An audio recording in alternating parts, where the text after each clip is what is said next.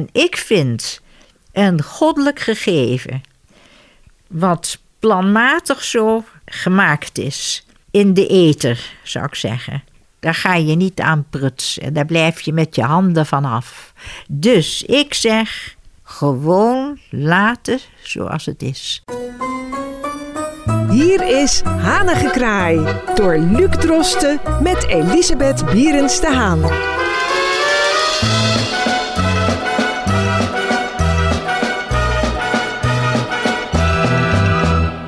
Dit is een uh, lenteachtige aflevering van Hanengekraai. Vandaag namelijk gaan wij het hebben over zomer- en wintertijd. Uh, fenomeen dat nog steeds speelt, dat naar ik uh, meen speelt sinds de jaren 70, ooit ingevoerd als een maatregel om energie te besparen, die eigenlijk heel anders is uitgepakt, want die voordelen die vielen eigenlijk heel erg tegen. Maar, ik denk mede door de Europese samenwerking, zitten we er nog steeds aan vast. En nu gaan er de laatste jaren af en toe komen er geluiden op van landen die voorstellen om daar toch maar weer eens een einde aan te maken. En mevrouw Bions de Haan, u heeft daar ook een mening over. Ik zeg ophouden met dat geschuif, met al die klokken en dat gedoe en dat gedonder. Kijk eens, wintertijd, zomertijd. Ik zeg wintertijd gewoon laten zoals het is. En geen zomertijd, weg met die zomertijd. En waarom? Een godsgegeven. De lieve Heer heeft dit zo gemaakt. Daar ga je niet aan prutsen ter wille van de economie. Het is zo zuinig en we besparen licht en we besparen dat. En je kan langer s'avonds barbecuen. En het is zo fijn. Het is helemaal niet fijn. Het is totaal niet fijn. Het blijkt dat mensen echt van slag raken. En dat het lichaam daar helemaal niet goed op reageert. En dat zijn uitkomsten die door de jaren heen naar buiten zijn gekomen. En ik vind een goddelijk gegeven, wat planmatig zo gemaakt is, in de ether, zou ik zeggen. Daar ga je niet aan prutsen, daar blijf je met je handen vanaf. Dus ik zeg, gewoon laten zoals het is wintertijd. Ja. En het goddelijk gegeven, bedoelt u daar dan mee het feit, uh, want bedoel, uh, God heeft natuurlijk niet uh, de, de, de, de, de tijd bedacht, in zoverre de tijd als in dat wij klok kunnen kijken, maar misschien wel ingegeven hoe mensen reageren op, op, op, op, op licht, op donker, et cetera. Wat bedoelt u precies met het feit dat het, een, dat het van God ingegeven is? Nou, dat is heel eenvoudig. We hadden vroeger geen klokken, maar zonnewijzers. Dan had je de zonnewijzer de tuin en dan wist je naar aanleiding van de schaduw, zo is het zo en zo laat. En de tijd van Mozart, nog iets daarvoor. Dan had je een kleine zonnewijzer. En dan wist je, oh wacht even, de wijzer staat zo. De zon schijnt zo, de schaduw is zo. Dat betekent dat de tijd hebben wij natuurlijk makkelijker gemaakt met een horloge en een klok. Dat je precies kan weten, het is nu tien over drie en dan moet ik dit en dat doen.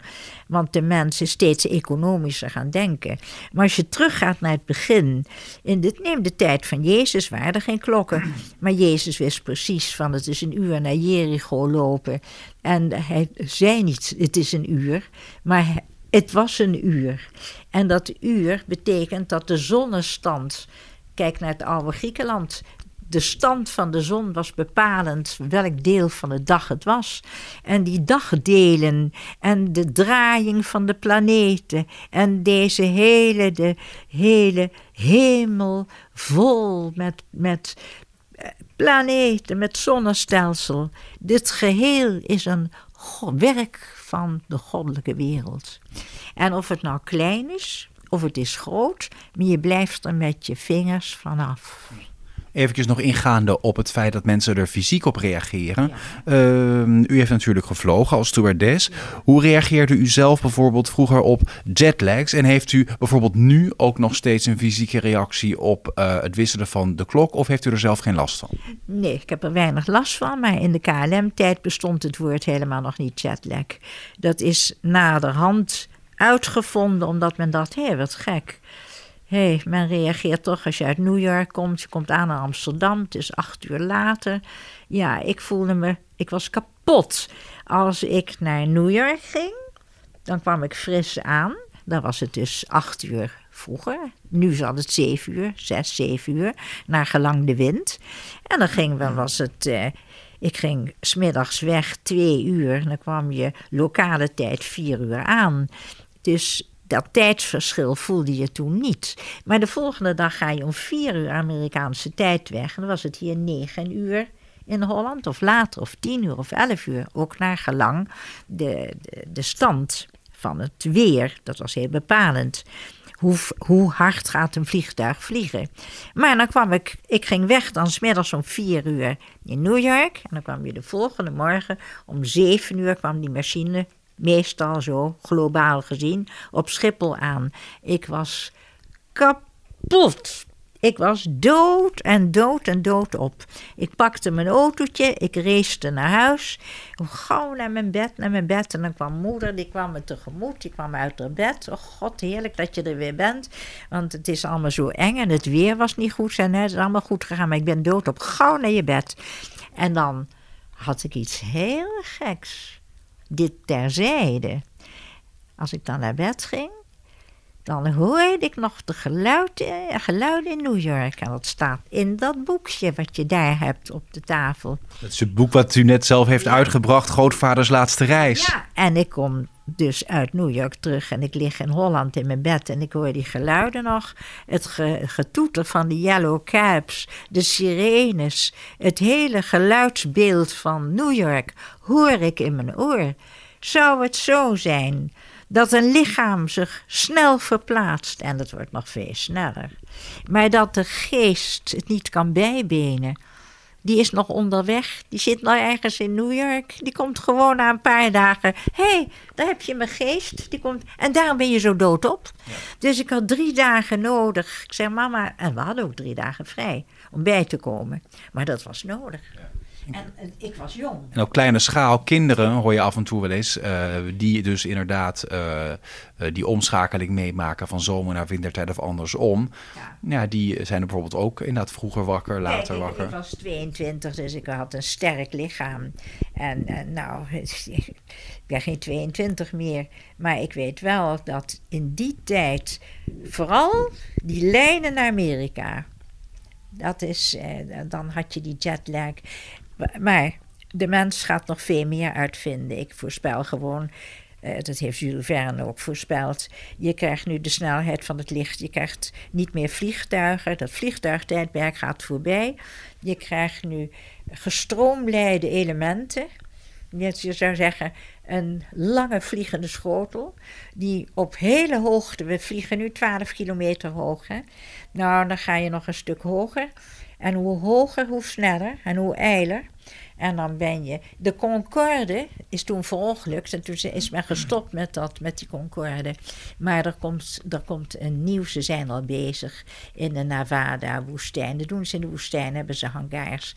En daar maken ze, als je een vliegtuig heel gestroomlijnd maakt en je hebt de apparatuur die je langzamerhand, men is zo, die ingenieurs zijn zo knap. Dus dan krijg je dat je in twee uur in New York bent, maar dan, dan ga je weer terug en dan ben je volkomen. Ik zag er ook uit als, de spook van de opera. En dat betekent dus dat het een enorm effect heeft op je hele conditie. En wat kunnen wij dus doen? Wij kunnen zeggen, die zomer-wintertijd, we laten het just what it is. Zomertijd, nonsens, wintertijd, prima. En dan volgende morgen, dan sta je in het donker op, terwijl je juist in het licht moet opstaan als de vogels. Joep, joep, joep, joep, joep, joep, joep. Dat niets is mooier, de mooiste muziek is vogelgezang. Is de lente ook uw favoriete seizoen? Ja, dat is een verrukking. Is er, en ik ken mensen die gaan dan met de lente, die gaan allemaal weg. Ik zit hier, ik zit gewoon te wachten tot die boom en mijn dakterras, Forsythia, die, gaat, die komt eraan. Ik praat met ze. Kom eraan. Kom, kom uit de knoppen, kinderen. Ik ben er. Zo praat ik met mijn planten. Ik ben er. Ik ben niet weg. Ik ben niet naar Tahiti, naar Bali, naar China. Ik zit hier in Amsterdam. Maar ik wil geen zomertijd. Ik wil gewoon de wintertijd. Een prachtig mooi bloemstuk. Wat ik voor me heb. En je zegt: nee, ik vind die paarse bloemen niet mooi, die ruk ik eruit. Nee, dat bloemstuk is een goddelijk gegeven. En dat moet je zo laten. niet aan, niet aan tornen. Niet aan het dat is het. Nou, u kunt zich verheugen op eh, de lente die eh, eh, gaande is. Ja. En ik verheug me weer op ons volgend gesprek. Ja, uitstekend, eh, Luc. Ik ook. En dank je zeer voor het interview. Nou, tot de volgende keer. Tot de volgende keer, Luc. Dank je wel. Wilt u reageren? Mail naar hanigekraai.amsterdamfm.nl en uw bericht komt terecht bij mevrouw Berends de Haan.